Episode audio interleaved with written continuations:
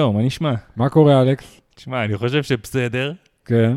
כרגע, בדיוק אנחנו יושבים פה אצלך, אמרת בוא, לפני הפודקאסט, אה, לפני שהגענו, אמרת לי, תביא בגד ים, ננסה את האמבטיית אה, קרח שלך, ככה קוראים לזה. כן. אתה נכנסת ראשון, אה, ישבת שם ככה איזה שבע דקות בנונשלנטיות, דיברנו, ואז אני הייתי צריך להיכנס. האמת שלא לא התרגשתי יותר מדי, אמרתי, מה, מה, מה כבר יכול להיות? ואני חושב שהצלחתי להכניס רק את הרגליים בקושי לכמה שניות, ולא, וואו, אני מתאושש מזה עדיין. כן, כן. אה, תשמע, אני חושב שזה גם באמת קצת עניין של להסתגל לזה, אני כבר, אה, אתה יודע, יותר מורגל ממך. וגם הרבה עניין של באמת state of mind, כאילו להיכנס לאיזה זון, חלק מזה זה באמת uh, פיזיולוגיה, אבל חלק זה מנטלי. Uh, אולי לא הערכת נכון עד כמה קר זה הולך להיות, כן. כאילו בהכנה המנטלית שעשית לעצמך, אז... זה uh, בטוח. כן. זלזלתי, אה, זלזלתי והופתעתי. כן. בסדר, אולי בפעם הבאה. כן, כן. Uh, תשמע, זה... עוד פעם, יש אנשים שמצליחים די מהר, עוד פעם, גם תלוי באיזה טמפרטורה המים והכול, אבל יש כאלה שלוקח להם קצת זמן להסתגל לזה. Uh, גם תלוי קצת כמה חם בחוץ, כאילו זה מאוד תלוי בכמה גורמים. צריך אה, להגיד ש-36 מעלות בחוץ, רק... לא, ככה- כן, תיאורטית, אבל פה בצל וזה פחות, אבל בסדר, אתה יודע, תנסה שוב, בסוף תצליח. אה, חוויה. כן. טוב, נעבור לפודקאסט. טוב, אז בואו נדבר על תחרויות שהיו, וכמובן נתחיל עם רוט, שבאמת הפעם היה שם אירוע, היה חתיכת אירוע, שאתה יודע, כל פעם זה מספק את הסחורה, אבל הפעם באמת היה שואו uh, רציני. כן, תשמע, זה היה נראה ממש אה, יותר טוב אפילו מבשנים קודמות, מבחינת ההפקה, האווירה, התקשורת, כאילו, היו מקצוענים, אתה יודע, לא מעט אה, גם בגברים וגם מקצועניות בנשים, אה, ברמה מאוד גבוהה. אני חושב שאפילו בנשים היה יותר, אה, יותר טוב מאשר בגברים, מבחינת אלופות עולם לשעבר וכדומה. ותשמע, היה נראה אירוע מאוד מרשים מכל הבחינות. ומבחינת התחרות עצמה, שמע, אי אפשר לבקש יותר טוב מזה. כן, גם אני חייב להגיד, אה, אתה יודע, הייתי שם כבר אה, פעמיים, אומנם פעם שנייה הלכה שם אה, פחות טוב, ואמרתי אז, "שמע, אין מצב שאני חוזר לשם עוד טוב, אני גם חושב שגם הייתי שם, שאמרתי לך את זה, ואחרי שראיתי את התחרות הזאת, ואת מה ש... כל מה שקורה שם, אמרתי, וואו, טוב, אולי, אולי יש מצב. כן. כן, שמע, זה עוד פעם, אתה מדבר עם המקצוענים, אז הם גם uh, תמיד uh, מתלהבים מהתחרות הזאת, מכל הבחינות, גם הם מקבלים יחס מאוד טוב, והמקצוענים הבכירים גם מקבלים כסף, אז אתה יודע, ברור שהם מפרגנים לתחרות. אבל היה בהחלט מעניין, אתה יודע, אני חושב שבנשים, אה, דניאל הריף פשוט עשתה ביצוע מטורף, כאילו, אולי הביצוע הכי מרשים שראינו אי פעם באיש ברזל. גם, אה, גם, גם מבחינתה, אני חושב גם השחייה שלה שם, זה היה משהו יוצא דופן. כן. אני חושב שזה אולי מה שבאמת גם עשה לה את, ה... את הפער שהיא פתחה לפחות, זה מה ש... כן, דניאל הריף, אתה יודע, היא בעבר הייתה שחיינית בינונית, רצה בינונית ורוכבת מעולה. מהמם. הפעם היא רכבה מעולה, כמו שהיא יודעת לרכוב, וגם סחטה ממש טוב. ורצה טוב, אבל היא לא רצה ברמות ה... של הרצות הכי טובות, אתה יודע, היא לא ברמה של אה, הניוג, או אתה יודע, או אה, מירנדה אבל קרפרי. כמו בזמנו. שהראינו פה, שאם אתה מצליח לפתור פער מספיק גדול, אז uh, אתה אפילו לא צריך להתמודד עם זה בסוף. בדיוק, אתה יודע, כשהיא רוכבת אה, רבע שעה יותר מהר מכולן, אז אה, היא לא צריכה לרוץ, אה, אתה יודע, יותר מהר מאף אחד, היא פשוט יכולה לרוץ מספיק טוב ולסיים בפער מספיק גדול. אה, וזה מה שהיה. תשמע, היא שברה את ה... אני לא אוהב לקרוא לזה שיא עולם בכלל, כל הזמנים וזה, זה תמיד נורא בעייתי, אבל בוא נגיד שהיא עשתה תוצאה הכי מהירה אי פעם במרחק ברזל, לא משנה שאנחנו יודעים שברוט הדברים טיפה קצרים, אבל...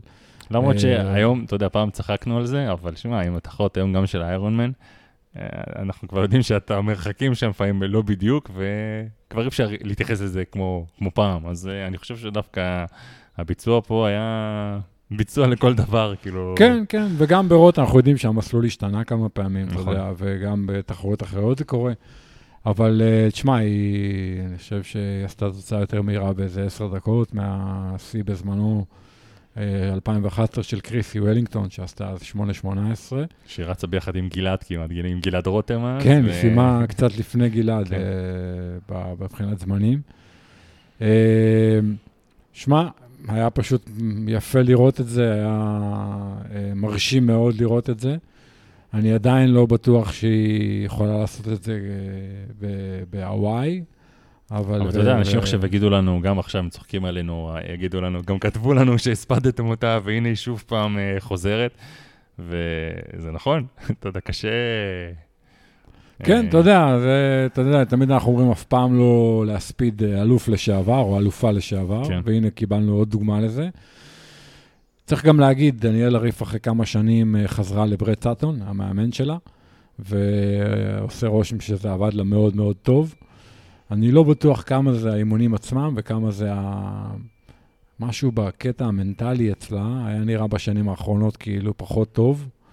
ועכשיו שהיא חזרה אליו, זה נראה לי כאילו מסתדר יותר טוב. אה, לא יודע, כנראה שיש שם איזושהי כימיה שעובדת טוב אה, עבורה, ווואלה, עשתה ביצוע מטורף. ובגברים, אה, תשמע, גם היה שדה מכובד של אה, לפחות חמישה-שישה ספורטאים מהטופ. אה, אתה יודע, כולל פטריק לנגה, שהוא אלוף העולם לשעבר, וסבסטיאן קינלה, שהוא אלוף העולם לשעבר. ובסוף בא דיטלב, לא שוחה עם הראשונים, שוחה קצת יותר לאט. אבל צריך להגיד שכאן, הוא הצליח לשחות כמעט עם הראשונים, אפשר נכון, להגיד שזה נכון. מדהים בשבילו, ואם הוא יצליח באמת להחזיק את הרמה הזאת, וואו, צפוי עוד הרבה ממנו. כן, ואחרי עשרה קילומטר הוא מגיע, עוקף את כולם. מה זה עוקף? לא עוקף, ב- בביש אה, הוא עובר אותם. כן, תראה, היה, היה פה, אתה יודע, סם ליידלו שרכב כן. איתו. אה, סם ליידלו שהוא גם שחיין מאוד מאוד טוב, אתה יודע, שסיים שני בהוואי שנה שעברה.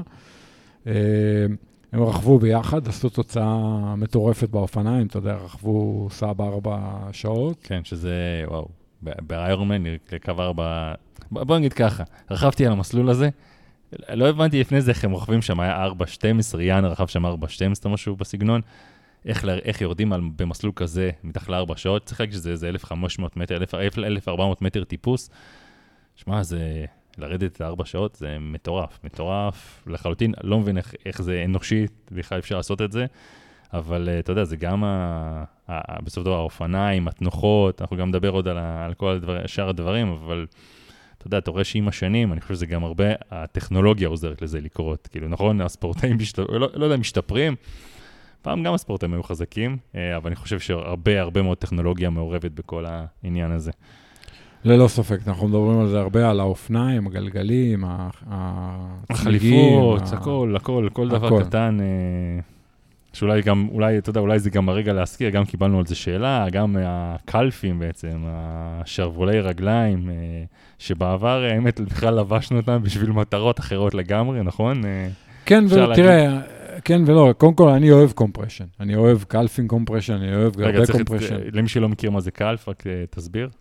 אז calf זה בעצם, אה, בעבר היו משתמשים בגרב compression, שזה בעצם גרב עד הברך, שהיא מייצרת גם איזשהו לחץ על השוק, על השוקיים, אה, ודרך זה כאילו זה גם עוזר בפעילות וגם יכול לעזור בהתאוששות, זה בדרך כלל גרביים שונות בין הגרבי compression לפעילות וגרבי compression להתאוששות. אני מאוד אוהב את זה, במיוחד בתחרויות חמות, והשתמשתי בזה בקלפים כמה פעמים, גם בהוואי שהתחרתי. ונגיד לפני שנתיים בפרנקפורט אה, השתמשתי ב calfing compression, אבל בעיקר אה, בשביל הקטע האווירודינמי. כי גם אתה קצת מכווץ את התאומים, את השוק וזה, אז אתה מקטין קצת החיכוך עם האוויר מבחינת ההיקף של הרגל, אבל גם הבד הזה הוא יותר אווירודינמי מהאור, ובעצם אתה משיג איזשהו יתרון אווירודינמי. שבאופניים הוא אסור בדרך כלל, בתחרויות של UCI הרי מותר גרב עד גובה מסוים, מהמם. אבל בטריאטלון אין את החוק הזה, אז אתה יכול להתחרות עם גרב יותר גבוהה או עם קלפים, שזה יותר ריאלי, כי... כאילו, מה שיותר יותר נניח בקלף, שאתה גם יכול ללבוש אותו לפני זה מתחת, אם יש שחייה עם חליפות, אתה יכול ללבוש את זה מתחת לחליפה, ופשוט אתה מוריד את החליפה ואתה כבר עם זה, כי ללבוש את זה זה די לוקח זמן, זה די סרט אה, להלביש את זה על גוף רטוב לפחות. כן, כן, כן. אז באמת, נגיד בפרנקפורט לפני שנתיים, שחיתי עם זה מתחת לוואטסוט, מתחת לחליפה, ורכבתי עם זה ורצתי עם זה. אז אני אוהב את זה גם מבחינת התחושה בריצה ואיך שזה מחזיק לי את התאומים והכול.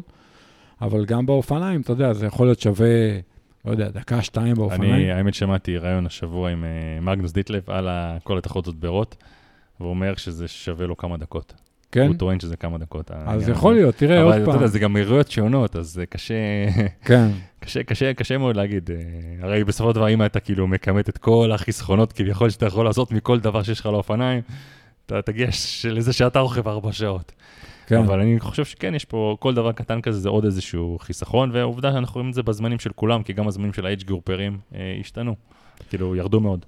נכון, נכון, נכון, וצריך לזכור, דיטלב ניצח בחמש וחצי דקות את uh, פטריק לנגה שהגיע שני, ותשמע, אם מספיק שהקלף הזה חוסר לך דקה-שתיים, זה יכול להיות שווה ניצחון בתחרות. Uh, באמת, אם הזכרתי את לנגה, אז אולי צריך כן. להגיד מילה על לנגה, הוא רץ עוד פעם שלוש, אה, שתיים, שתיים שלושים ועשרים ומשהו, נכון?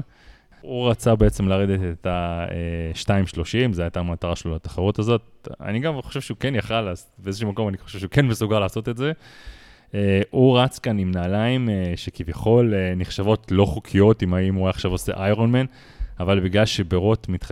מתחרים לפי החוקה הגרמנית, לפי החוקה שלהם אין שום הגבלה על שימוש בנעליים, ולכן הוא השתמש באיזשהו prototype כזה של אדידס. אה, של נעל חדשה, שפותחה במיוחד עבורו לרוץ במסלול הזה, כדי שישבור את השיא עולם שלו. אה, והוא היה, הוא כן, הוא כן שבר אותו בכמה שניות. כן, כן, אני חושב שהוא עשה אה, משהו מאוד דומה למה שהוא עשה בישראל בנובמבר, באיירונמן טבריה. שגם בישראל הוא רץ עם נעליים של 50 מילימטר בסוליה, שהן בזמנו היו חוקיות, אתה יודע, בעצם עד ינואר האחרון כן. הנעליים האלה היו חוקיות, ומהשנה הן כבר לא חוקיות ברוב התחרויות, בתחרויות של איירומן. אבל רוט החריגו את הנושא הזה של הנעליים ואפשרו לספורטאים לרוץ באיזה נעליים שהם רוצים. אז הוא רץ שעתיים שלושים, זה לא הספיק לו כדי לתפוס את אה, דיטלב, אבל הוא סגר על דיטלב, כן, הוא רץ יותר מהר אה, מדיטלב. סגר, אה, סגר מאוד, היה יציב, שמע, נראה נינוח כמו תמיד, כמו שהוא תמיד נראה. רק אתה יודע, אני, אני כן שמח שהוא בעצם באיזשהו מקום עשה את ה-2.30 האלה, האלה עוד פעם, כי אתה יודע, כי הרבה הרימו גבה אחרי התוצאה בישראל. ואמרו, רגע, מה, מה היה פה עם המסלול? יכול להיות שהמסלול לא היה תקין, יכול להיות שהוא היה קצר, למרות שהיה הוכחות עם הגרמינים ועם הסטראבה, שזה באמת היה המרחק. ואני חושב שזו עוד הוכחה, אתה יודע, לזה שכן, התוצאות השתפרו, זה כן הוא, זה לא, לא היה פה משהו דפוק במסלול. אז בקטע הזה דווקא יפה לראות שהוא כן מצליח לשחזר את ההישג. ושוב פעם, אני חושב שזה מראה לנו כמה הנעליים האלה אה, תורמות, אמרנו ארבע דקות לפחות, אה, למרחק הזה של איירונמן. אה, שזה די, אה, די מדהים, ובאיזשהו מקום, אני, אני מבין שלא יוציאו את זה מחוץ לחוק, כי מרוב, אתה יודע, מרוב כל הבאס, כל הכסף שמעורב פה, אה, ועדיין באיזשהו מקום, אני מפתיע אותי שזה לא יוצא מחוץ לחוק, מרוב היתרון הגדול שזה פשוט נותן על מתחרים אחרים. כן, כן. אולי, אולי נזכיר עוד דבר, הבקבוקים בחליפה, אז פעם קודמת אני אמרתי... שזה ש... דווקא הם לא אפשרו ברות. כן, שזה דווקא לא אפשרו, אז פה... גם, אגב, שמעתי שאולי גם ההחלטה הזאת בסוף באה מהאיגוד הגרמני הזה דווקא, כי בהתחלה אמרנו זה מרוט, אה, רוט אלה שהחליטו, שאמרנו שזה אולי צעד די פופוליסטי כזה, כי הם ראו שיש על זה הרבה דיבורים, ושיש כאלה עם בקבוק, בלי בקבוק, שזה כביכול נותן יתרון לא הוגן. אה, שמע, אה, אז הם הוציאו, אז הפעם לא העלו את הבקבוק הזה. כן, אסור היה לשים בקבוק בחליפה למטרות אווירודינמיות. שמע, כל הנושא של החוקים מתחיל להיות קצת בדיחה. אני חושב שכל הגופים וכל הארגונים שמארגנים תחרויות טריאטלון צריכים לעשות איזשהו אישור קו וליישר איזשהו קו בקטע של החוקה, שתהיה חוקה אחידה, שיהיה איזשהו ספר חוקים אחיד לכל התחרויות, כי אי אפשר עכשיו שכל תחרות יהיה חוק אחר, ואתה יודע, לספורטאים זה גם מאוד קשה. כולל, נגיד, כן צריך מספר באופניים, לא צריך מספר באופניים, אתה יודע, כן, כל הדברים האלה. כן, כן, אה, חד משמעית, וגם, אתה יודע, זה, זה טענות שפשוט עלו, גם במיוחד אחרי הריצה הזאת עם הנעליים האלה שלו. אה, הרבה, זה הרבה טענות שעלו מהרבה מאוד ספורטאים, ואני חושב שעם הזמן, אני חושב ששנה הבאה כבר לא, לא, נראה, לא נראה את זה. כן. הלחץ, הלחץ של האנשים ישפיע עליהם. טוב, אה, בואו, זהו, סיימנו עם רוט.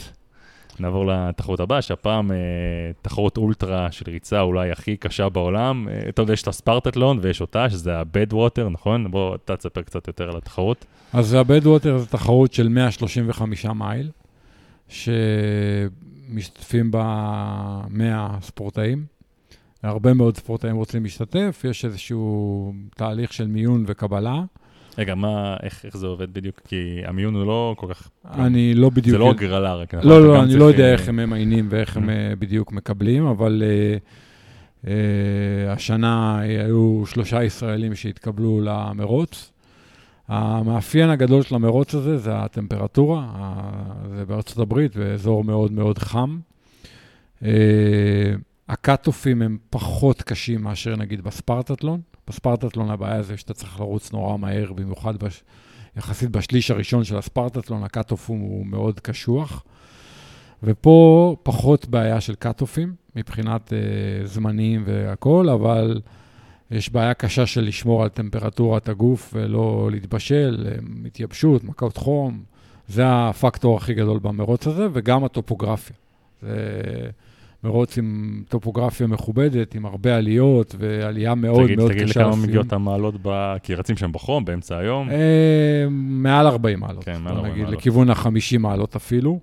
אה, עוד פעם, תלוי באיזה נקודה היית, באיזה שעה, כי אתה יודע, יש הבדל גדול. מהמם. אה, הזינוקים הם אה, ב-8, 9 ו-10 בערב. את הכי מהירים מזניקים אחרונים, מזנק, מזנקים ב-10, והכי פחות מהירים מזנקים ב-8. זאת אומרת, יש פער של שעתיים בזינוקים. אה, יש לך 48 שעות לסיים את המרחק, את ה-135 מייל, אה, שבאמצע עוד פעם יש כמה קאט-אופים. השנה יחסית היו הרבה מסיימים. אם אני זוכר נכון, זינקו 100 וסיימו 89. וואו, כן, זה באמת ממש מכובד. אתה יודע, כן, אם, כן. אם, אלה התנאי, התנאים שאתה אמרת שכל כך חם שם וטופוגרפיה כל כך נוראית, מה, מה היה מיוחד בשנה? מה, היה פחות חם? לא יודע. אני לא יודע להשוות לשנים האחרות, אבל אני יודע שהיו יחסית הרבה מסיימים. אה, היו כמה דברים מעניינים שקרו במרוץ הזה. אחד, מי שניצח בכללי, זאת מנצחת. מנצחת. מנצחת. זה לא משהו מאוד מאוד חריג בעולם האולטרות הארוכות. אנחנו יודעים להגיד שבעולם הסיבולת, ה, נקרא לו הסטנדרטי, הפער בין גברים לנשים הוא בדרך כלל בסביבות ה-10-11 אחוז. כלומר, אם ניקח מרתון, איירונמן ודברים מהסוג הזה, אנחנו נראה פערים, נגיד באיירונמן זה פערים שבדרך כלל סדר גודל של בין אה, 45 דקות לשעה. אז אנחנו יודעים שככל שהמרחקים עולים, במיוחד בעולם האולטרות, הפערים מצטמצמים בין הגברים לנשים, ובעולם האולטרות, האולטרה ארוכות, של נגיד מעל 200-300 קילומטר, אנחנו רואים שהרבה פעמים אין פערים בין גברים לנשים, ואפילו להפך, נשים מנצחות חלק מהתחרויות. ובמקרה הזה ניצחה אישה. כן, אבל יש כוכבית, לא? יש, יש כוכבית, כן, יש כוכבית. עוד לפני הכוכבית נגיד שהיא טריאטלטית, היא לא רק רצה, היא לפחות טריאטלטית לשעבר. וזה לא עכשיו כוכבית תגיד את הכוכבית, שמסתבר שהיא נתפסה בעבר על אה, שימוש בחומרים אסורים, והודתה. והודתה. כן. אה, אז אה, שמע, מה אני אגיד לך? אתה יודע, דברים כאלה, תמיד, לא- משנה מה, לא, אתה, אם, אם עשית את זה, תמיד תישאר מעליך העננה הזאת, והספק אף פעם לא, לא, לא, לא יעזוב אף אחד. כאילו, לא, זה משהו שזה כתם שאני לא רואה איך מישהו מתנער ממנו. אה, איך אי פעם אתה תוכל להמשיך להוכיח שאתה הפסקת עם זה באמת. Uh, בסופו של דבר גם אני חושב שמישהו שכל כך נהנה מהפירות של זה, הוא יודע מה זה יכול לתת. Uh, למה שהוא לא יעשה את זה שוב בהמשך? במיוחד שזו תחרות פחות מפוקחת. אתה יודע, זה אם ואם לכאורה, כן? Uh, אבל uh, אתה יודע, אני חושב שהמחשבות האלה רצות אצל הרבה אנשים, אני רק אומר אותם. Uh, יכול להיות שהיא סיימה נקייה לגמרי, ואגב, אנחנו יודעים שיכול להיות שהיא הייתה נקייה בתחרות, אבל כל תהליך ההכנה. אה, במיוחד בתחום הזה שאמרת בעצמך, אומנם יש 100, 100 איש, ו- ואז זה תחום יחסית, אה, יחסית קטן בסופו של דבר. אני לא יודע באמת כמה הבדיקות שם, אה, אה, כמה הן, בטוח קיימות בדיקות, אבל אני בטוח שהן לא אה, מאוד עמוקות או רציניות, אה, או בסדר גודל מספיק גדול בשביל אה, לתפוס דברים כאלה, במיוחד על מישהי, איזה טריאטלטית שנתפסה פעם. אה, כן, לגמרי, העננה תמיד תהיה, והספק תמיד יהיה, והשאלות. אה, זהו, אפרופו אישה, אז גם, גם בין הישראלים אה, היו שני גברים ואישה, והאישה הגיעה ראשונה. כן, אה, היא לא הייתה ראשונה כל המרוץ, אבל בסוף היא סיימה ראשונה, נינה. אה, אז אתה יודע, זה יפה לראות את זה. מתאמנת שלך, לא? כן, כן, כן. אה, זה יפה לראות את זה שבענפים מסוימים, אתה יודע, לנשים יש אה, יכולות שהן לא פחות משל גברים, שזה מאוד מאוד יפה לראות את זה, מאוד מעניין לראות את זה. כן, אז אתה יודע, אחרי שהיא סיימה את הספרטטלון, היא סיימה עכשיו את הבדווטר, עשתה 35 שעות, אתה יודע, היה לה עוד 13 שעות spare על ה cut-off. אה, זהו. אגב, אתה, יש לך ניסיון בספרטטלון, כי אני חושב שבזמנו אה, נסעת גם ללוות את אריאל, אה, כן, ב-2015. נכון? אז אתה מכיר את התחרות שם, ואני מניח שגם היא סיפרה לך על החוויה שלה פה. מה, מה אתה חושב מבחינת ההשוואה? כי אני חושב שיש הרבה השוואה בין התחרויות, מה יותר, תמיד יש את ההשוואה, מה יותר קשה, מה... אני חושב שבקט, אם אתה רץ מהיר, אז אולי הספרטטלון הוא פחות קשה, כי הקאט-אופים לא, הם לא בעייתיים עבורך. ואז באמת החום והעליות בבדווטר הם כנראה פקטור יותר כן, כי רציני. אני זוכר שלפחות בשנה שהיית, גם החום היה שם, היה חום רציני, גם לא, לדעתי, זה גם... תראה, בספרטטלון חם, 30, 35 מעלות. בבדווטר הרבה יותר חם. והעליות הן הרבה יותר משמעותיות. אז זה מאוד תלוי איזה רץ אתה. אם אתה רץ איתי, יש לך סיכוי לסיים את הבדווטר, יש לך הרבה פחות סיכוי לסיים את הספרטטלון, כי הקאט-אופים בספרטטלון, עוד פעם, הם, הם פשוט קשים, הם, אתה צריך לרוץ מהר. אה, לי נראה שהבדווטר בסופו של דבר זו תחרות יותר קשה. אה, ואם אני הייתי צריך לבחור, אני בעצמי, איזה תחרות לעשות, הייתי עושה את הבדווטר. די, כן. וואו, הפסדת אותי. הייתי בטוח כן. שתגיד את הספרטטלון בלי שום ספק בכלל. לא, יותר מדבר עליי המדבר הזה של, אה, של הבדווטר. לא יודע, משהו, עוד פעם, לא הייתי שם, אז יכול להיות שאני טועה, אבל כאילו אינטואיטיבית, אם היום הייתי צריך לבחור באיזה תחרות להשתתף, אז משהו בבדווטר אה, נראה לי יותר אה, מעניין, כן. וואלה. כן. בשתי התחרויות אתה צריך צוות, בבדווטר זה עוד הרבה יותר מורכב. בספרטטון אתה כאילו לא חייב צוות, אבל, אבל כולם באים עם אנשים. אה, בבדווטר אתה חייב צוות של אגב, שלושה תמיד, אנשים. תמיד יכולים לסייע לך בזמן שאתה רץ? איך זה עובד? יש כל מיני כללים וחוקים, אבל בגדול בבדווטר הצוות צמוד אליך, ויש שלושה אנשים שחייבים להיות בצוות שלך, אתה לא יכול לבוא עם בן אדם אחד, יש שם הגדרות מאוד מדויקות לצוות והכל. ואתה יודע, הם, הם פקטור מאוד חשוב, כי אתה צריך המון מים וקרח ואמצעי קירור, ו... אז הצוות הוא הוא פקטור מטורף בבדווטר. גם בספרטטלון, אבל בבדווטר עוד יותר. כן. מדהים, ואני חושב, דיברנו על זה אולי מזמן מאוד, אז שאולי היית בספרטטלון לפני כמה שנים, אולי, אני זוכר שדיברנו על זה בעבר, אבל אני, אתה יודע, בטוח כולם שואלים את השאלה, איך אני מתאמן למשהו כזה, במיוחד לתנאים האלה של החום, של לרוץ בצהריים, ב-40 ומשהו מעלות, דווקא בארץ אני מניח שזה יותר קל, ועדיין, אנחנו עכשיו בתקופה שרק עכשיו באמת uh, התחיל להיות חם, אבל תחרות הייתה כבר, uh, עבר שבוע כמעט uh, מאז התחרות. אז איך, מה, מה אתה עושה? תספר דווקא, הייתי רוצה לשמוע על האימונים המרכזיים. אז תראה, קודם כל יש את המגבלות גם של החיים. אתה לא יכול להגיד לבן אדם כל יום בצהריים, תעזוב הכל, תצא לרוץ 3-4 שעות, כי זה לא אפשרי מבחינת החיים של רוב האנשים. אז uh, אתה יודע, מתאמנים הכי הרבה שאפשר בחום, כאילו במסגרת ה, גם ההיגיון וגם החיים. Uh, נינה ירדה ל- לדרום לרוץ כמה פעמים, uh, ים המלח וזה וכדומה.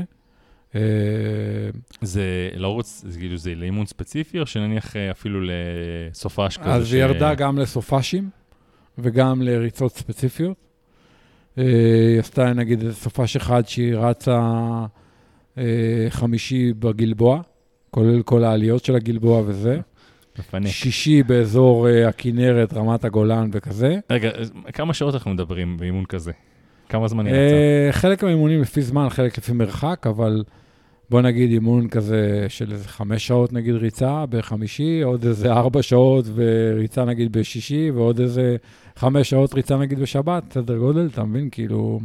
מכובד. אז היא עשתה נגיד סוף שבוע כזה בגלבוע, נגיד יום חמישי, שישי בגולן, כנרת, גולן וזה, וחזרה הביתה, ובשבת ירדה לרוץ בים המלח. אתה מבין? כאילו, כזה. זה הכנות אה, אה, סיזיפיות אה, לאללה. ומה, בסוף כשהיא הייתה שם ואחרי שהיא סיימה, היא אומרת שההכנות היו, כאילו, הרגישה שההכנות הכינו אותה מספיק טוב, או שזה משהו שאי אפשר להתכונן עליו? אז אה, תראה, מספיק? אה, השתמסנו וגם דיברנו לפני כמה ימים בטלפון, אבל כשהיא תחזור נעשה תחקיר יותר מסודר אה, פנים אל פנים. בסוף, יש כמה מקורות של קושי במרוץ כזה. יש את המרחק על הרגליים, יש את הטופוגרפיה, העליות וגם הירידות, שזה גם לא קל. יש את החום, שהוא פקטור מאוד משמעותי, והפקטור הרביעי זה העייפות של החוסר שינה. כי מה שקורה, נגיד, בבדווטר, אתה מזנק, ב, נגיד נינה זינקה ב-10 בלילה. אז כל הלילה הזה, עכשיו אתה לא ישן. אוקיי, נכנסת ליום, סבבה, הכל טוב, יש לך עוד לילה. אתה מבין, בעצם תחשוב, 35 שעות מ-10 בלילה, זה אומר שאתה מסיים, היא סיימה בסביבות 9 בבוקר. אה, אתה מבין? כאילו, אז, אז בעצם אתה שני לילות לא ישן. עכשיו, בוא נגיד שאתה מזנק אה, ביום אה, שלישי בערב, נגיד, הם זינקו ב-4th of July, סבבה, אבל אתה, לילה לפני זה, אתה לא, אתה לא ישן טוב, כי אתה כן, במתח ברור. של לפני תחרות. אז יוצא לך בעצם, פחות או יותר אפשר להגיד, שלושה לילות בלי שינה. עכשיו, קח, תוסיף לזה את הג'טלג, כי אתה מגיע מישראל, אז אתה מגיע עם ג'טלג, ואז אתה לא ישן בעצם שלושה לילות. וזה פקטור מטורף. אני חושב שזה הפקטור שאולי הוא היה הכי קשה לנינה. העייפות של החוסר שינה, כאילו. באיזשהו שלב אני התכתבתי עם גלעד קראוס, שהוא היה אחד מהמלווים של נינה, והוא כתב לי גזורה מעייפות, כאילו, אז, אז שלחתי לו דעה, כתבתי לו מה, מה קורה, הרגליים, הבטן, ה...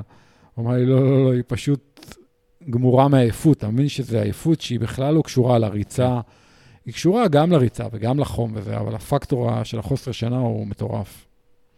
טוב, שמע, זה נשמע לי קשה בצורה בלתי רגילה, ובאמת, הישג מדהים אה, לסיים משהו כזה. אני גם חושב. טוב, אז אה, נראה לי, זהו, מבחינת תחרויות, אה, זה בעצם האירועים המרכזיים שהיו עד עכשיו. אה, סתם עוד ככה אירועים מעניינים שקרו, לפחות מבחינת, ה... בגזרת האיירון מן, בעצם מסיק, אנדרו מסיק, ה-CEO של, בעצם המנכ"ל של איירון מן, אפשר להגיד, עזב, כאילו, אפשר להגיד, או הוא, עבר לתפקיד אחר ב... חבר ההנהלה, או משהו בסגנון, לא ידוע בדיוק. הוא, הוא טוען שהוא עזב. הוא, הוא גם טוען, שהוא, שהוא עזב. הוא טוען שהוא החליט את זה לפני אה, כמה חודשים. הוא, הוא, הוא טוען שיומיים אחרי המבורג, אחרי התחרות, הוא היה, היה מתוכנן אה, לפרוש. ואז קרתה התאונה, ואז אה, הוא בעצם, אה, הכל התעכב עד עכשיו. אה, אז אני חושב ש... קודם כל, אי אפשר לקחת ממנו את מה שהוא עשה מהאיירון מן. 12 שנה הוא היה מנכ"ל. כן, 12 שנה, הוא, אפשר להגיד שהוא הביא את האיירון מן לגדולה שלו, כאילו, לפחות הוא הביא את הכסף האמיתי לחברה, הוא פיתח, גם הוא אפשר להגיד, פיתח את הענף, פיתח, אה, פיתח את המותג, את ה brand, את הכל, הביא את, את זה למקום שזה נמצא, שיש דברים שאנחנו אוהבים, יש דברים שאנחנו פחות אוהבים. אה, בזמן האחרון היה הרבה דברים שאנחנו פחות אוהבים. כן, תשמע, אני חושב שכתבתי לכם בוואטסאפ, מסיק נתן, מסיק לקח. כן.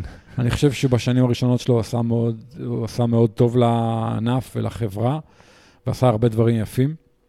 אה, ואולי בשנים האחרונות פחות, אולי הוא קיבל החלטות שאני פחות אהבתי. אה, גם צריך לזכור את הקורונה, אבל כל העניין הזה של הוואי יומיים, ואחרי זה הפיצול עכשיו של ניס והוואי, ואני לא כל כך התחברתי להחלטות האלה, שעוד פעם, אני לא יודע עד כמה הם רק שלו, ויש שם בורד, ויש שם עוד אנשים, אבל אני מרגיש שכאילו הוא עשה מאוד טוב לענף בשנים הראשונות, ועשה פחות טוב לענף בשנים האחרונות שלו. כן, בעיקר הטענות הן על זה שהתחרויות מאוד התייקרו. שהתמורה שמקבלים בתחרות היא כבר לא מספיק, uh, בעצם ה-ROI של התחרות הוא כבר לא מספיק שווה את זה. Uh, כמו שאמרת, הפיצול הזה אולי זה הדבר הכי, הפיצול של קונה. Uh, ואני חושב שהפרק, אגב, שאז נגנז בגלל שהיה לנו איזה בעיה בהקלטה, ודווקא אז דיברנו על הרעיון שהיה איתו.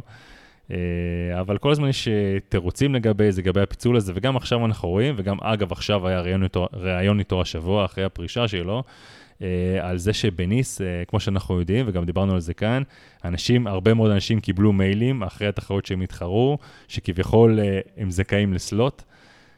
תחרות מסוימות, אפילו בפורומים מסוימים, היה אפשר לראות שהסלוטים האלה התגלגלו עד כדי מקום 90 בקטגוריה, שזה משהו שלא... היה מעולם.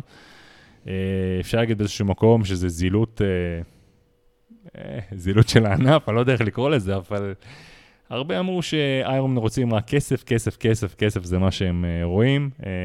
הרבה מאוד לא אהבו את זה, ירגשו שהוא הוא המנכ"ל, הוא זה שבעיקר, זה שקידם את זה.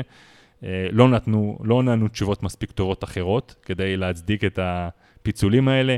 הכל נשמע מין תירוצים כאלה ודברים לא מספיק רציניים מבחינתי. Uh, אני, כמו שאמרת, אני שמח שהוא זז, גם עכשיו, אגב, לא הזכרנו, דיברנו גם כאן בהרחבה כבר על מה שהיה באמוק ועל התאונה ועל הטיפול שלהם בתאונה, זה שהם המשיכו לשדר את זה גם בפייסבוק, למרות שמישהו מת שם, והם המשיכו לדבר על כמה יום יפה זה, שזה גם, שאגב, זה הדבר היחיד אולי שהוא כן הודע בו, שזה היה טעות, שלא היו אמורים לעשות את זה. Uh, אז אני חושב שהיה הרבה, היה הרבה כשלים, uh, וזה כן נכון ש... כן, נכון, אני, אני די בטוח שהזיזו אותו. אה, הזיזו אותו לצד, אה, ובואו נראה מה יהיה מכאן. בוא... כן, יש מצב. תשמע, אני חושב שעוד פעם, הוא... הגיע זמנו לעזוב כנראה, הגיע זמנו לפנות את הכיסא ולתת למישהו אחר לנהל את זה. כן. טוב, אה, מכאן נקפוץ רגע לטור, אולי דווקא שוב. פחות, אולי נדבר על התארוך, אני חושב דווקא אולי שככל שהתחרות תתפתח אפשר לדבר על זה בהמשך, או גם עכשיו, אבל uh, קודם uh, דווקא רציתי להתחיל מזה שראיתי כבר בתחילה של הטור, uh, קפץ לי איזה סרטון מגניב של uh, DC רנמייקר, שמין uh, תמונה של uh, סטם של אחד מהרוכבי אופניים, שיש שם מין uh, ממש uh, טבלה מסודרת של התוכנית תזונה שלו uh, לתחרות עצמה, ממש כתוב... לאותו ממש, יום. באותו יום. Uh, ממש מחולק לדקות, כמה ממש, מה הוא צריך לעשות בכל, uh, אפשר להגיד, דקה, וממש זה היה ממש כאילו ויזואלית נראה טוב. אה, ממש הבקבוק שהוא צריך לקחת, בקבוק איזוטוני, בקבוק מים רגילים, איזה ג'ל הוא צריך לקחת, עם קפין, בלי קפין. אה, אני חושב שזו פעם ראשונה שאני רואה משהו בצורה כל כך מסודרת, אה, כי תמיד אנחנו, איכשהו, תמיד מרגיש שהעניין הזה של התזונה, אצל רוכבי אופניים, לפחות בטור, אני חושב שבטריאטלון וזה, אנחנו מדברים על זה הרבה, איכשהו בצורה הרבה יותר מדויקת, ואיכשהו בכל ענף האופניים, נראה לי זה יותר איכשהו... יותר כזה אבסטרקטי, יותר אה, באוויר. אה, כן, הם אוכלים, הם לוקחים את התיקים האלה, תמיד אנחנו יכולים לאכול שם איזה סנדוויץ', אה, לפעמים יש להם ג'לי, כל מיני דברים. איכשהו, פעם ראשונה אני רואה שזה, וואלה, זה באמת נראה רציני מאוד. תראה, בקטע הזה של ה... נקרא לזה דיוק בתזונה, יש כמה אסכולות. אסכולה אחת אומרת לאכול לפי זמנים. לאכול ולשתות לפי זמן. אה, נגיד, לא יודע, לשים התראה בשעון, או לא יודע, או להסתכל על השעון, וכל איקס זמן לאכול איקס קלוריות, ולשתות איקס אה, נוזלים וכדומה. אז כל הקיצונית ההפוכה אומרת, לא, תאכל ותשתה לפי תחושה, עזוב את המספרים וזה, מתי שאתה מרגיש צמא, תשתה, אתה מרגיש רעב, תאכל. והאשכולה, נגיד, השלישית זה כאילו מסגרת זמנים מקרו, ברמת, נגיד, פעם בשעה, אני, תוך שעה אני צריך לאכול איקס קלוריות ולשתות uh, כמות כזאת וכזאת של נוזלים, אבל לא ברמה של חלוקה למתי בדיוק במהלך השעה לעשות את זה.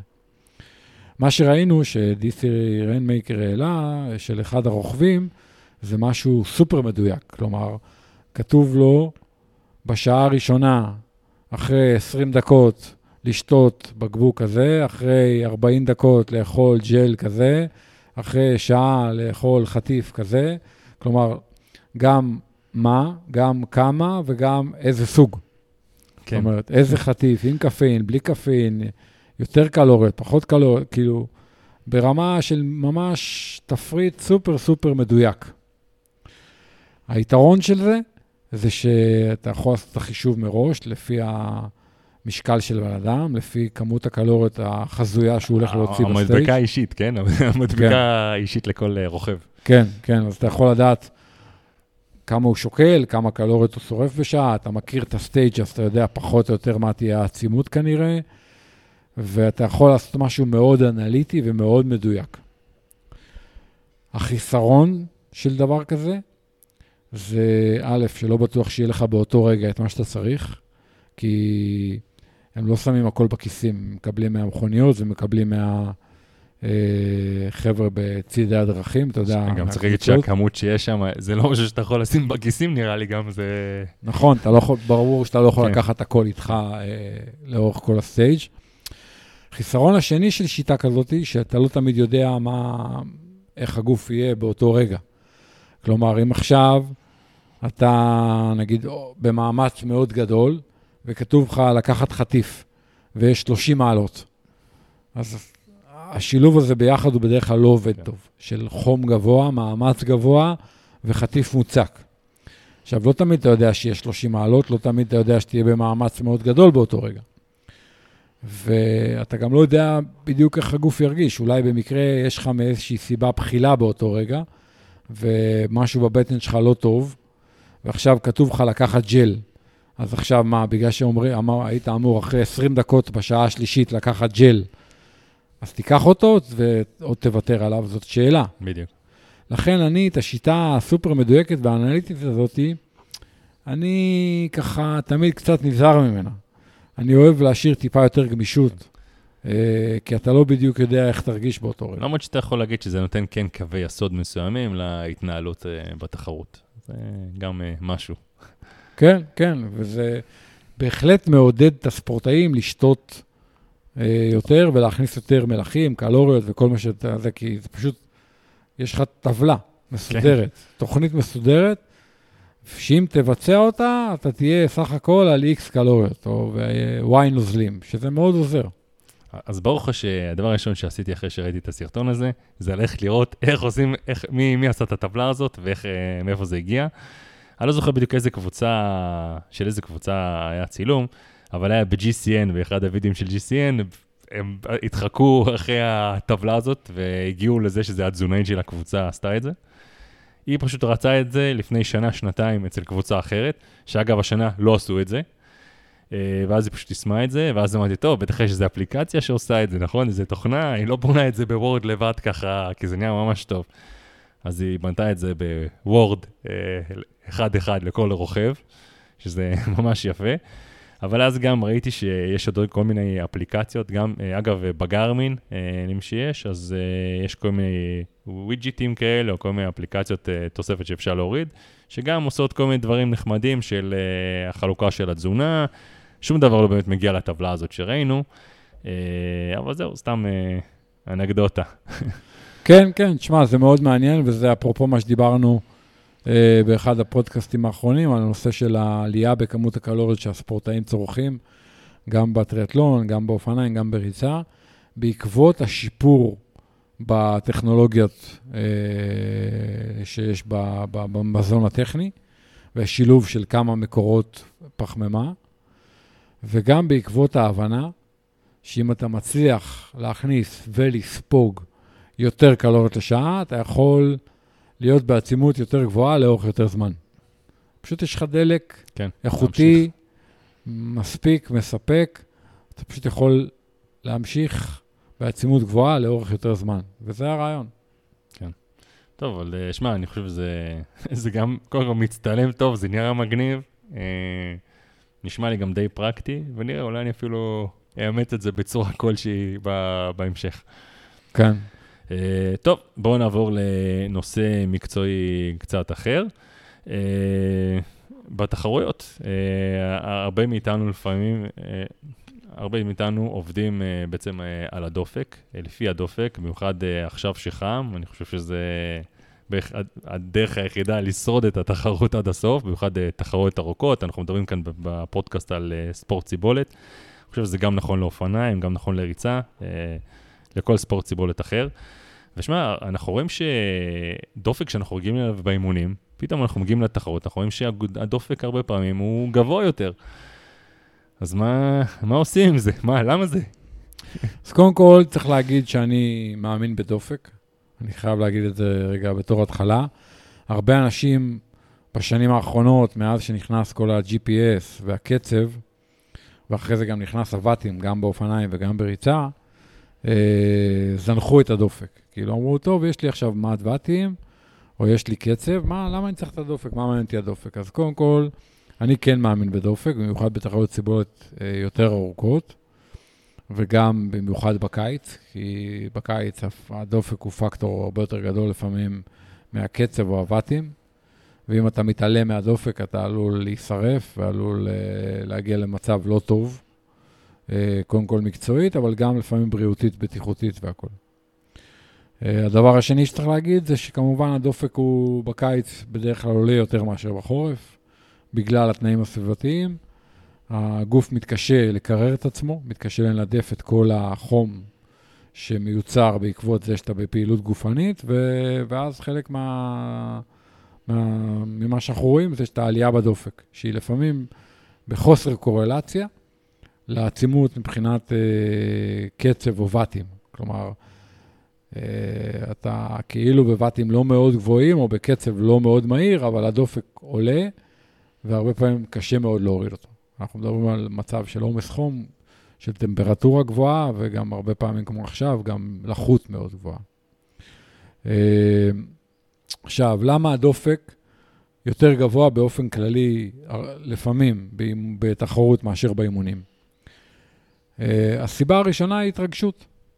התרגשות, עוד לפני הכל, בן אדם עומד על קו זינוק באיזושהי תחרות שהוא התכונן אליה uh, זמן, הוא במצב רגשי אחר מאשר באימונים. אז לפעמים אתה עומד על הקו זינוק בתחרות, כבר אתה בדופק 120, עוד לפני שעשית משהו. כן. אז קודם כל זה ההתרגשות, עוד לפני הכל. שזה משפיע, אין מה לעשות. אתה יודע. קשה להתעלם מזה, וזה... אבל אז הייתי מצפה שאוקיי, בהתחלה היה קצת גבוה, אבל אתה יודע, אתה נכנס לזה, זה יורד, לא? ש... אה, כן. אמור לפחות. כן, אמור. אבל אז נכנסת הסיבה השנייה. הסיבה השנייה שהרבה פעמים זה, אנחנו רואים דופק יותר גבוה בתחרות, זה הטייפר. בניגוד למה שהיה מצופה, או למה שהיינו נוטים לחשוב, שהגוף מתאושש מעומס, והגוף יותר מאושש, לדופק יותר קל לעלות. זאת אומרת, אפשר היה לחשוב שאתה מאושש... זה נגד הפוך על הפוך. כן. אפשר היה לחשוב שכשאתה מאושש, אז הגוף במצב טוב, אז תוכל לרכוב בבטים גבוהים או לרוץ בקצב מהיר, בלי שהדופק יעלה. שיש בזה בעיקרון משהו, כן? אבל מצד שני, בעומס גבוה של אימונים, שהגוף נמצא בעומס כרוני, אתה מתאמן נגיד הרבה שעות או הרבה קילומטרים, למשך תקופה בהכנה למרתון, אולטרה מרתון, איירומן או אפיק ישראל או ווטאבר, אז אתה מתאמן עכשיו יחסית הרבה שעות, והגוף כל הזמן באיזשהו עומס ועייפות. אחד הדברים שאנחנו רואים זה שהדופקים יותר נמוכים. זה גם בגלל השיפור בכושר, אבל גם בגלל שהגוף בעומס וקשה לו לעלות דופק. אתה יכול לרכוב פתאום על נגיד הרבה ואטים, ואפילו בטמפרטורה יחסית גבוהה, ולהגיד, בואנה, הדופק שלי לא עולה. וואו, אני בכושר ממש טוב. אז זה נכון במידה מסוימת, אתה בכושר ממש טוב, וזאת חלק מהסיבה שהדופק שלך לא עולה. אבל זה לא כל הסיפור. חלק מהסיבה שהדופק לא עולה, זה שהגוף עייף.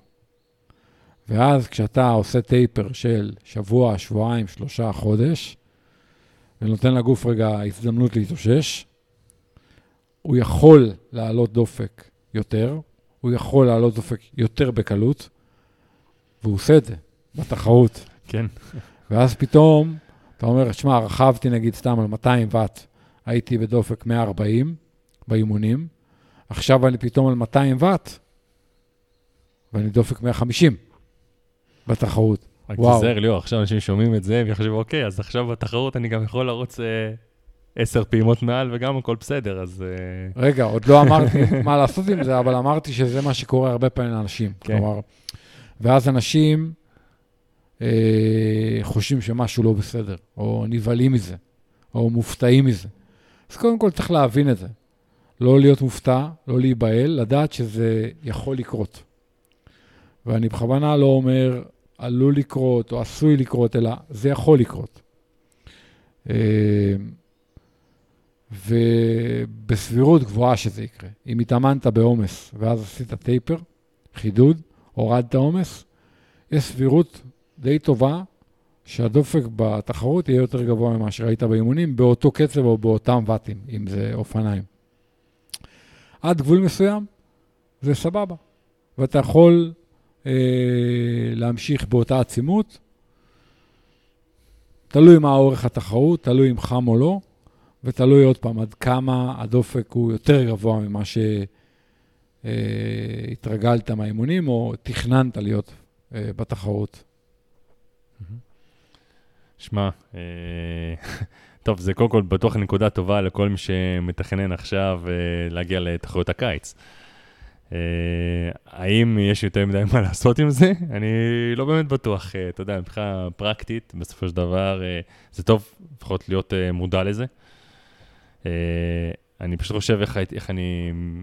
אוקיי, קודם כל אני חייב להגיד שאני גם שותף מאוד לתחושות האלה. ה- היה הרבה תחרויות שאני זוכר שהגעתי, אתה יודע, אתה מגיע לחו"ל, אתה נמצא שם במלון, אה, בימים לפני אתה יוצא לאימונים קצרים, פתאום אתה באמת רואה שהדופק שלך קופץ, משהו שאתה לא רגיל אליו. אה, אז בקטע הזה אני חושב שזה דווקא טוב בעיקר מבחינת ההרגעה, מה שאתה אומר. אתה יודע, להרגיע את עצמך אה, כמה ימים לפני שהכל בסדר, כי ישר אנשים יכולים לקפוץ, אוקיי, יכול להיות שיש לי איזה משהו, יכול להיות שאני חולה, אתה יודע, לפעמים הלחץ הזה יכול להביא אותך למקומות לא טובים בסוף אה, אה, בתחרות עצמה, אה, להרוס לך את התחרות. אני לוקח את זה בעיקר לזה, אתה יודע, במיוחד לתחושות האישיות. אה, מבחינת התנהלות בתחרות, אה, אני חושב שעדיין הייתי ממשיך להתנהל כמו שתכננתי מראש, ולא הייתי עכשיו, אה, אתה יודע, אומר, אוקיי, טוב, אני, אני מאושש, אז אני נותן פה עוד עשר פעימות בדופק. אני חושב שזה משחק מסוכן, עדיף בקטע הזה מבחינתי יותר ללכת על בטוח, במיוחד אם זה אירוע ארוך שהתאמנת אליו הרבה מאוד חודשים. לפקשש אותו פתאום על איזה משהו שהחלטה של הרגע האחרון או משהו שאתה לא מוכן אליו, לדעתי זה לא... עדיף לא לעשות את זה. אבל בוא נשאל אותך שאלה, נניח שאתה הולך לרכב באיש ברזל. אז אתה אומר, אוקיי, אני ארכב לפי תחושה, ואטים ודופק. כן. סבבה. אתה אומר, אני ארכב נגיד על, אה, נגיד, 72 אחוז מה-FTP שלי, F, IF 0.72. בוא נניח, אה, מישהו הולך בגישה הזאתי, ובכל האימונים זה עבד לו סבבה, והוא אחרי זה אה, גם רץ טוב, והתזונה עבדה לו טוב בעצימות הזאת, והכל טוב. ונגיד שבאימונים הוא רכב על, אה, נגיד סתם, נגיד שה-072 שלו זה 200 ואט, בסדר? שיהיה לנו קל.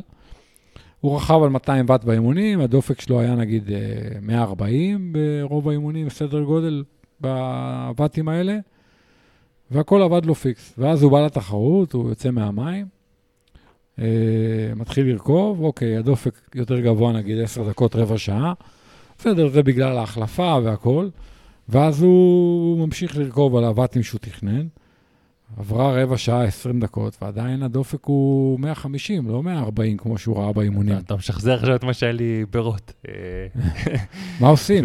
מה עושים? אתה אה, נשאר בוואטים, או שאתה מוריד, מוריד מוריד, ואטים מוריד. כדי להוריד דופק? אה, מוריד, מוריד, מוריד את הדופק, כי אני יודע שאני לא מסוגל להיות בדופק הזה. אני יודע מהאימונים שזה לא משהו שמבחינתי, אני יודע שעוד, אני יכול להמשיך ככה עוד שעה, שעתיים, אבל יש פה עוד חמש שעות להמשיך.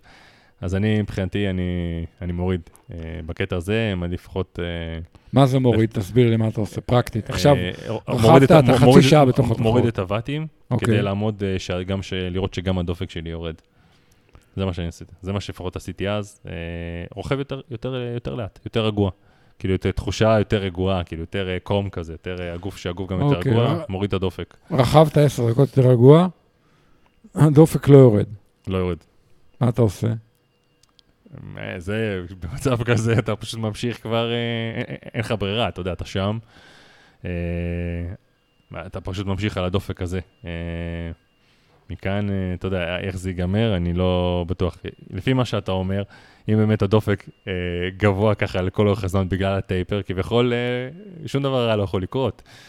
אה, זה אומר שאתה עדיין כביכול בדופק הנכון שלך. אה, אתה יודע, יש פה הרבה מאוד תסריטים שיכולים אה, לקרות מהרגע הזה, לדעתי. אה, אבל השאלה אם אתה הולך על בטוח, שאתה לוקח סיכונים, והאם אתה רוצה לקחת סיכונים בתחרות כזאת שהתכוננת אליה כל כך הרבה, ואנחנו, אני חושב שרוב הספורטאים חובבים, יש להם או אחת או גג שתיים כאלה תחרויות מרכזיות בשנה. אה, שאלה. אז אני מסכים איתך, זה בהחלט שאלה, זה מאוד תלוי אה, גם באמת מה משך התחרות, עד כמה היא ארוכה, כי אנחנו יודעים שלהיות, נגיד, אה, בדופק יחסית גבוה למשך כמה שעות זה בסדר, אבל אם זה הרבה שעות זה כבר מתחיל להיות בעיה. ואני חושב שזה מאוד תלוי אם התחרות חמה או לא. כן. אם אתה יודע שהולך להיות חם, והדופק שלך כבר גבוה, ואתה מתחיל לבשל את עצמך, והגוף מתחיל להיות לו קשה להוריד טמפרטורה, אז זה עוד יותר בעיה. אני חושב שבתחרות כזאת, שמישהו מתכונן אליה, כבר בשבועות לפני, חודשים לפני, הבן אדם כן מביא את עצמו למקומות האלה שהרבה פעמים אתה כן יכול לרכב קצת יותר חזק, קצת, אתה יודע, כל מיני, אתה נמצא בכל מיני מקומות, אתה מנסה אה, הרבה דברים.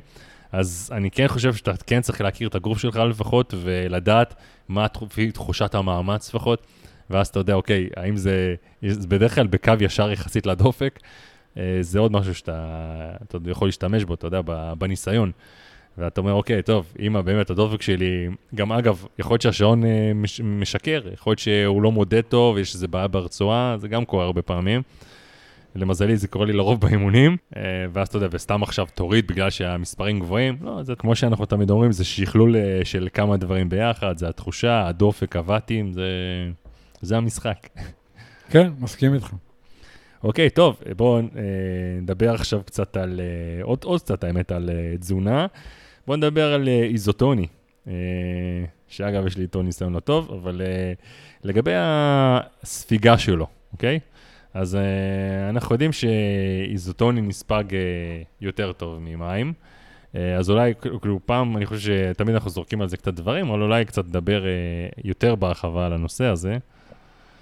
תראה, אז קודם כל, חלק, חלק גדול מהרעיון של משקה איזוטוני, זה במקור, זה שהוא נספג בגוף יותר טוב ממים, בצורה יותר יעילה, ובשביל זה צריך להיות ריכוז מסוים של uh, סוכרים וריכוז מסוים של uh, אלקטרוליטים במשקה, ואז uh, יש לו פוטנציאל להיספג uh, בצורה יותר טובה ויותר איכותית מאשר uh, מים. כלומר, סתם לצורך ההמחשה, אני עכשיו אשתה חמישה ליטר אה, מים ויעשה פעילות מסוימת, מול חמישה ליטר איזוטוני ויעשה אותה פעילות, יש סיכוי טוב שכשאני שותה את האיזוטוני, אז אני אשתין פחות.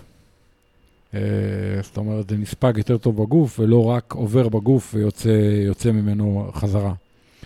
אה, עשו פעם ניסוי מאוד מאוד מעניין, לפני הרבה מאוד שנים ראיתי את זה באיזו תוכנית טלוויזיה.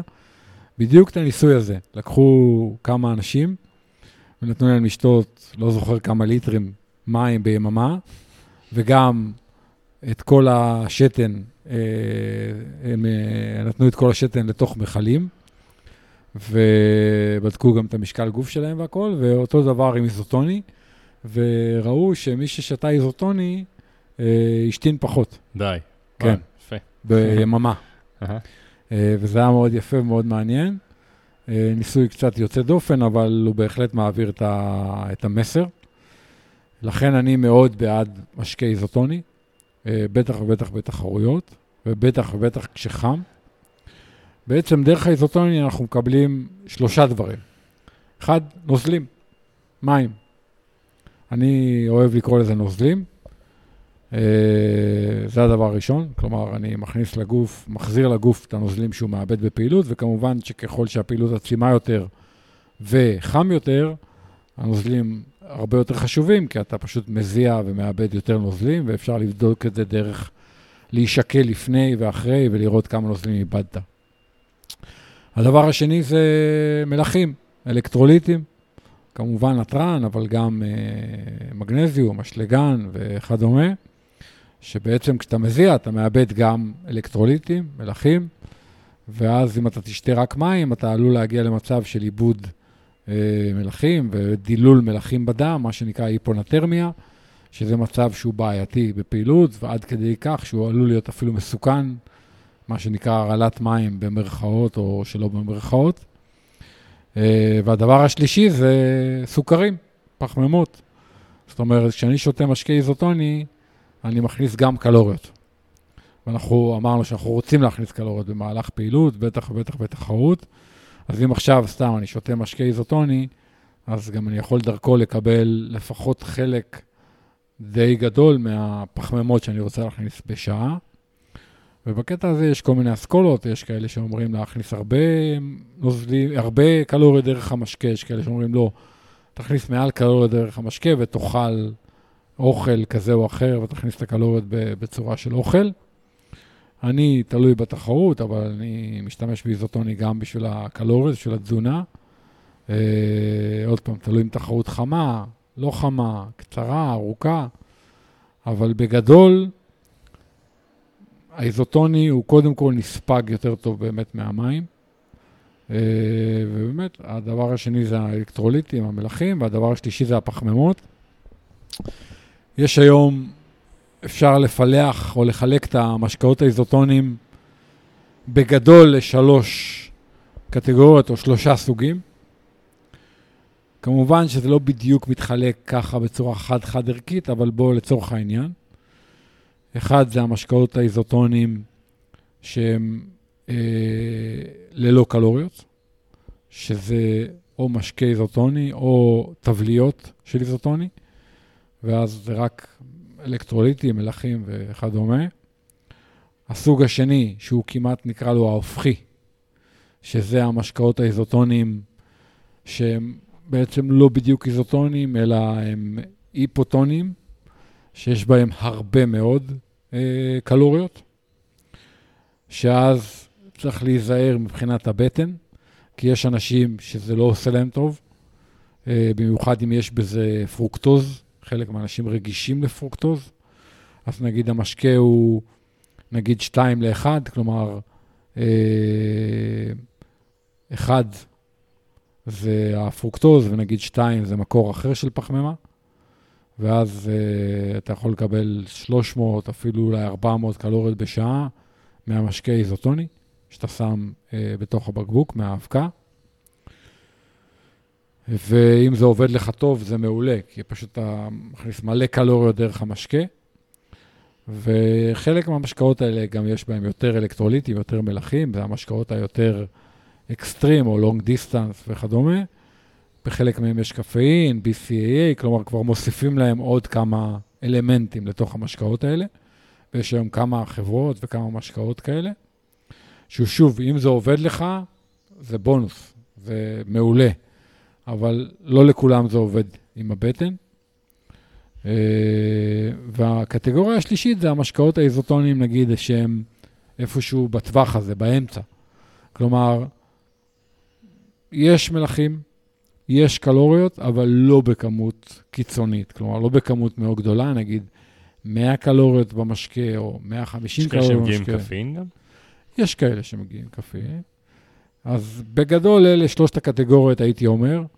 אה, ככה בצורה דיכוטומית, אה, אתה יודע, למרות שעוד פעם, זה לא בדיוק מחולק בצורה כזאת, אבל בואו ניקח נגיד חברה, לכל חברה יש היום את שלושת הסוגים, הייתי אומר, גם תבליות אלקטרוליטים ללא קלוריות, גם משקה שהוא הרבה מאוד קלוריות, משקה, משקה אקסטרים כזה, וגם איזשהו משקה ביניים, נקרא לזה, האיזוטוני המסורתי.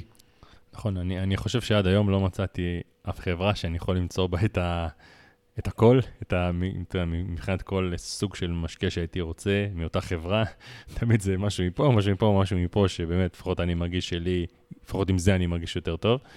בהתחלה התחלתי עם זה שאמרתי שאני פחות אוהב איזוטוני, אז זה לא מדויק, אני אדייק את זה. Uh, בכל האימונים, לפחות העצימים, אני תמיד עם איזוטוני. Uh, באימונים אני כן הרבה עם איזוטוני.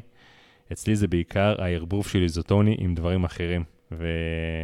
ומה, ו... וזה... ומה שהוא גורם לי, שזה תופעות פחות טובות. אה, אז, אבל חוץ מזה, אני חושב שכן, אתה יודע, בוא נגיד ככה, באימונים העצמיים שאני עושה, אני כן מרגיש את ההשפעה שאני עושה בלי ושאני עושה עם, אה, חד משמעית, זה משהו שאין לי לגביו אה, ספק. אז אבל השאלה באמת, אני חושב שלפחות לתחרות, במיוחד, אתה יודע, אחרי שגם עכשיו חזרתי מתחרות עם בעיות כאלה בבטן, אני חושב שצריך מאוד כן לנסות את זה, במיוחד באימונים הארוכים.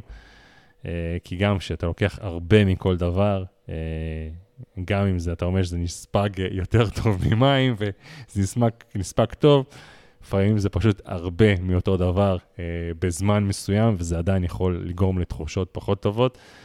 אז כמו כל דבר, לנסות את זה לפני שאתם עושים את זה פעם ראשונה בתחרות. זה, אתה יודע, זה מה שאני יכול להגיד על זה. שזה תמיד נכון, ו... כן. אנשים שעובד להם השקעות אה, מסוימים ולא עובדים להם השקעות אחרים. יש אנשים שהשילוב בין איזוטוני לפחמימות אחרות לא עושה להם טוב. אה, יש אנשים שלא טוב להם להשתמש במוצרים של חברות שונות במקביל, אז כל אחד בהחלט צריך לבדוק אה, מה עובד עבורו. כן, ובמיוחד, תמיד אנחנו אומרים, במיוחד אם אתם נוסעים לתחרות מסוימת, ויש שם תזונה, בדרך כלל זה ספונסר כזה של תזונה לכל תחרות. הרבה פעמים התחרות עצמה מאפשרת להזמין מין ערכת ניסיון כזאת, שבעצם מביאים שם מין כל דבר מכל מוצר שלהם. Uh, ג'ל, חטיף, תבליות uh, מלח, uh, את האיזוטוני, שבעצם אפשר לבדוק ולטעום ולראות אם זה לטעמכם. אגב, אני חייב להגיד שלמדתי שצריך באמת תקופה של שימוש כדי להבין אם זה עבורך או לא. להזמין את הדוגמית הזאת זה טוב ויפה. אה, הלכו מהיורו, אה, אבל עדיין, אה, אז אוקיי, זה איזה שלוש-ארבע אימונים שניסית את זה, בדרך כלל תעשה את זה באימונים יותר קצרים. אני עדיין מרגיש שזה עדיין לא, זה, זה נותן לך מין, אתה יכול להגיד ישר, זה עבורי, זה לא עבורי, מבחינת הטעם אולי, אבל מבחינת האפקטים שזה יכול לעשות לגוף שלך, ואיך זה ישפיע עליך, אני חושב שזה עדיין לא מספיק. זה, אני כן...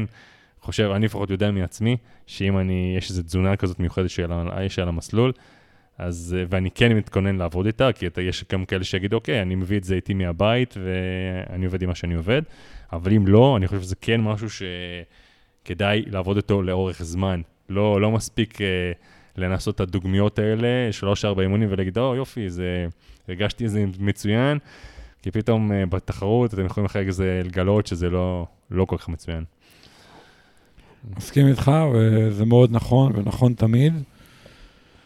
Uh, כן, לנסות פשוט לראות מה, מה עובד, ולא להניח שמה שעובד למישהו אחד יעבוד גם עבורך. המלצות זה דבר טוב, אבל, אבל צריך כל אחד לגלות uh, איזה משקאות עובדים לו טוב. אני אתן רק טיפ אחד, אה, איזשהו, אתה יודע, איזשהו גימיק, uh, פטנט קטן שאני אוהב להשתמש בו לפעמים. הרבה פעמים אנשים אה, יוצאים נגיד לרכיבה ורוצים שיהיה להם איזוטוני להמשך הרכיבה ואין להם. אז אנשים לוקחים כל מיני אבקות בשקית, כאילו נגיד לוקחים אבקת איזוטוני בשקית ואז מגיעים תחנת דלק, קונים מים, מערבבים את הזה. אז בהרבה חברות האיזוטוני והג'לים, ההרכב מאוד מאוד דומה. אז אפשר פשוט לקחת ג'ל, לפתוח אותו, לרוקן אותו לתוך בקבוק, להוסיף מים, וקיבלת אחלה איזוטוני. אתה מבין, עם כן, מלחים כן, ועם סוכרים והכול, ואתה יכול לשים שני ג'לים, ואז אה, פתאום נגיד 200 קלוריות. אני חייב להגיד לך שיש כאלה שפחות מתפרקים במים. הג'לים? כן, כן, כן, יש כאלה שנשארים ב... בהרבה חברות כן, הג'לים נכון, מתפרקים מעולה, ואתה... לוקח ג'ל מרוקן לבקבוק או שני ג'לים, שם, שם מים, מערבב טיפה, ויש לך אחלה משקה איזוטוני. ההרכב הוא מאוד מאוד דומה. אחלה. טוב, אה, נראה לי הגענו אז לנושא האחרון היום. אה, טוב, מפרק לפרק אנחנו, ליאור, אנחנו עוקבים גם אחרי השיקום שלך וההתקדמות שלך, אחרי התאונה, התאונה הדי קשה שהייתה לך. אה, לאט לאט אתה מתאושש, ובדיוק אה, דיברנו על אה, איך זה עבורך עכשיו לחזור לכושר. אתה יודע, אחרי פציעה כזאת, וזה שלפני זה כן היית בכושר טוב, ופתאום כל החזרה עכשיו, וכמה זמן זה לוקח, מול זה שנניח אה, ספורטאי שעכשיו נניח מתחיל מאפס, וצריך להגיע לכושר מסוים. בואו נדבר קצת על ההבדלים האלה, כאילו, ומה, באמת, כמה מהר זה לחזור, אם אתה כבר, יש לך את זה בשרירים, או ב... בואו נדבר על ההבדל.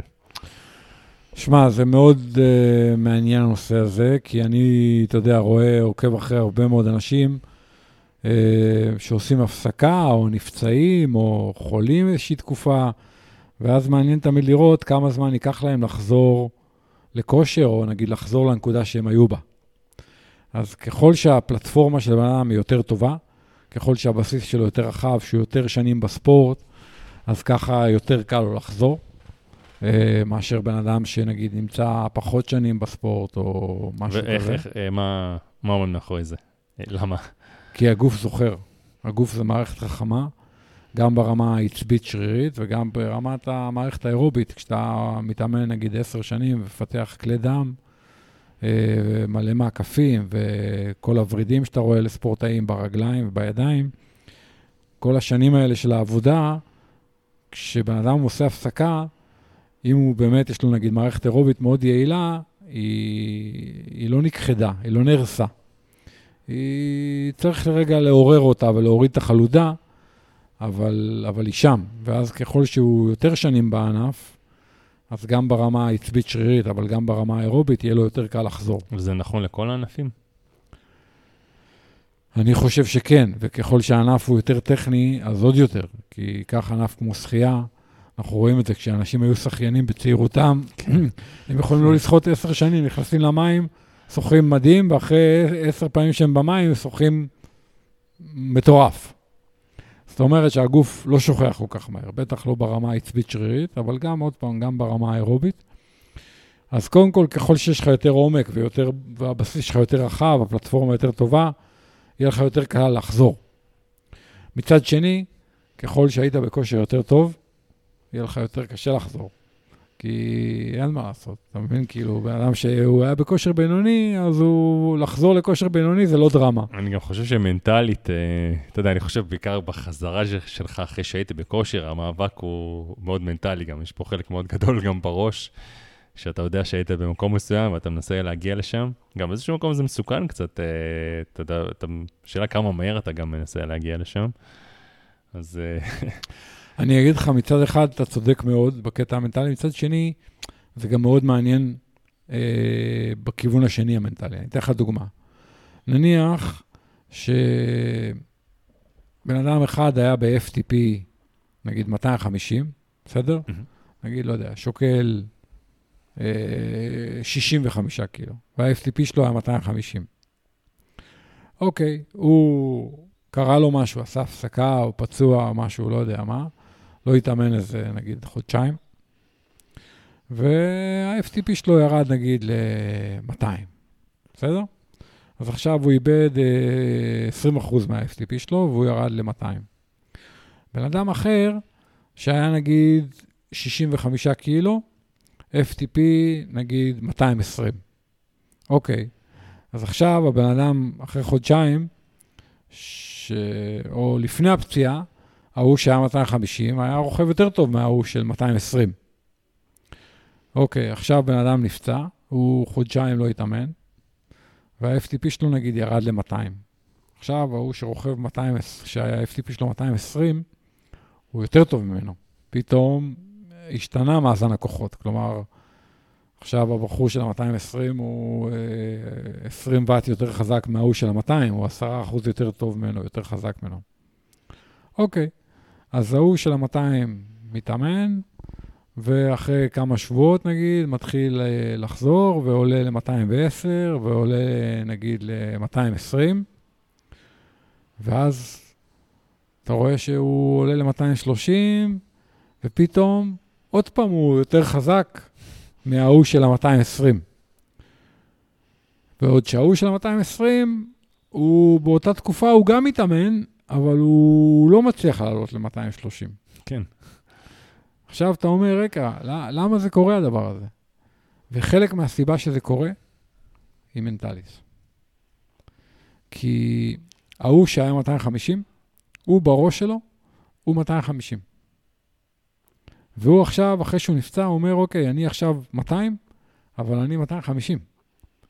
אני, אני... כמו קיר זכוכית כזה, נכון? זה... הוא מבחינתו הוא 250, ה-200 זה מצב זמני. הוא אומר, אוקיי, אני ירדתי ל-200, אבל אני לפני זה הייתי תקופה על 250. ואני, המטרה שלי מבחינתי זה 250, אני לא מכיר משהו אחר, אני מכיר 250. ו... והוא מניח שהוא יחזור לשם, והוא רוצה לחזור לשם, והוא רואה במצב של ה-200, נקרא לזה, מצב זמני. ואז מתחילים כל מיני שלבים בדרך חזרה ל... נקרא לזה המצב המקורי, היכולת המקורית. אז זה גם הרבה מנטלי. כן, לא, נשמע, ברור שעצם הידיעה שהיית במקום מסוים, אז uh, לחזור לשם, וזה כמו ניסיון, אתה יודע, ניסיון בכל דבר, בסופו של דבר כן מקדם אותך, ואתה תסיים כנראה במקום אחר של מישהו עם פחות uh, ניסיון. אז uh, כן, אני, uh, כמו חרב פיפיות העניין הזה. מצד אחד, uh, כן, אתה, יש לך את הניסיון, אתה יודע לאן להגיע. מצד שני, לפעמים אני חושב שהרצון לחזור וכבר למקום שהיית בו ואתה רגיל להיות בו, וכל כך קשה לא להיות בו, הוא גם, אתה יודע, זה, זה, זה קשה לא להיות שם, ואתה רוצה להגיע שם כמה שיותר מהר, ואז אתה מתחיל לפוצץ באימונים ולאבד את זה, ואז זה יכול לא להיגמר, אתה יודע, אתה יכול לחזור בדיוק לאותו מצב שהיית עוד פעם עם, ה, עם הפציעה. Uh, אז uh, כמו כל דבר שאנחנו תמיד אומרים פה, uh, איזונים. צריך איזונים. חד משמעית. צריך מצד אחד מוטיבציה, כן. מצד שני צריך סבלנות. צריך לדעת שלא חוזרים לכושר כל כך מהר. עוד פעם, תלוי כמה כושר איבדת וכמה זמן היית מחוץ לעניינים, אבל אה, אתה יודע, אתה מאבד יכולת אה, גם בקטע השרירי, אה, אתה יודע, הכוח ברגליים נגיד יורד, או בידיים, לא משנה. Uh, ההיקף לפעמים יורד של הרגליים, ידיים, כלומר, אתה מאבד מסת שריר. המערכת העצבית טיפה מתנוונת ומייצרת, נקרא לזה חלודה במרכאות, וגם ברמה האירובית, כמובן יש ירידה. אני למשל ראיתי אחרי הפציעה, אז כמה ימים אחרי הפציעה, הדופק מנוחה שלי ירד, כי הגוף התאושש טיפה. והגוף היה במצב מעולה, כאילו, מבחינת, ה... אתה מבין, אני מתכוון לסוג של טייפר כזה. כן. ואז עברו עוד איזה שבועיים, שלושה, ואתה רואה את הדופק מלוכה מתחיל לזחול למעלה. כלומר, המערכת האירובית מתחילה לאבד, לאבד את היכולת. כן. ואז הגוף צריך, בשביל לפמפם את אותה כמות דם, הוא צריך יותר פעימות ממה שהייתי צריך כשהייתי בכושר אירובי טוב. ואז אתה מתחיל להתאמן לאט-לאט בשאיפה, ואתה רואה את המערכת האירובית מתחילה להשתפר, שאחת האינדיקציות זה באמת הדופק מלוכה, שהוא מתחיל לחזור לערכים הנורמליים. אה, אז זה מאוד מאוד מעניין, כאילו, גם בהקשר הזה. תמיד שואלים אותי כמה זמן צריך על, על הזמן שאיבדת. כלומר, נגיד, לא התאמנת חודש או חודשיים, או לא יודע, חצי שנה. איך אפשר לענות על זה? זה... אז אני ככלל אצבע אומר לאנשים, צריך יום על כל יום. הבנת מה אני מתכוון? כן. כאילו, לפחות יום על כל יום. אם עכשיו לא התאמנת חודשיים, ייקח לך לפחות חודשיים לחזור אה, ליכולת שהיית בה. על כל יום שאיבדת, אתה צריך לפחות כן. יום חזרה. ככה אני רואה את זה, זה הכלל אצבע שאני כאילו נותן. שזה לא הכי מדעי ומדויק, אבל אתה יודע, זה נותן איזשהו עוגן. ואז uh, חלק מהאנשים מתבאסים מזה, חלק מהאנשים אומרים, אוקיי, סבבה, לא כזה נורא. ופשוט צריך סבלנות, אתה יודע, עוד יום ועוד יום, עוד שבוע, עוד אימון, ולאט לאט זה חוזר. זה יגיע. זה יגיע, ואני בטוח שאנחנו נראה אותך חוזר. מקווה.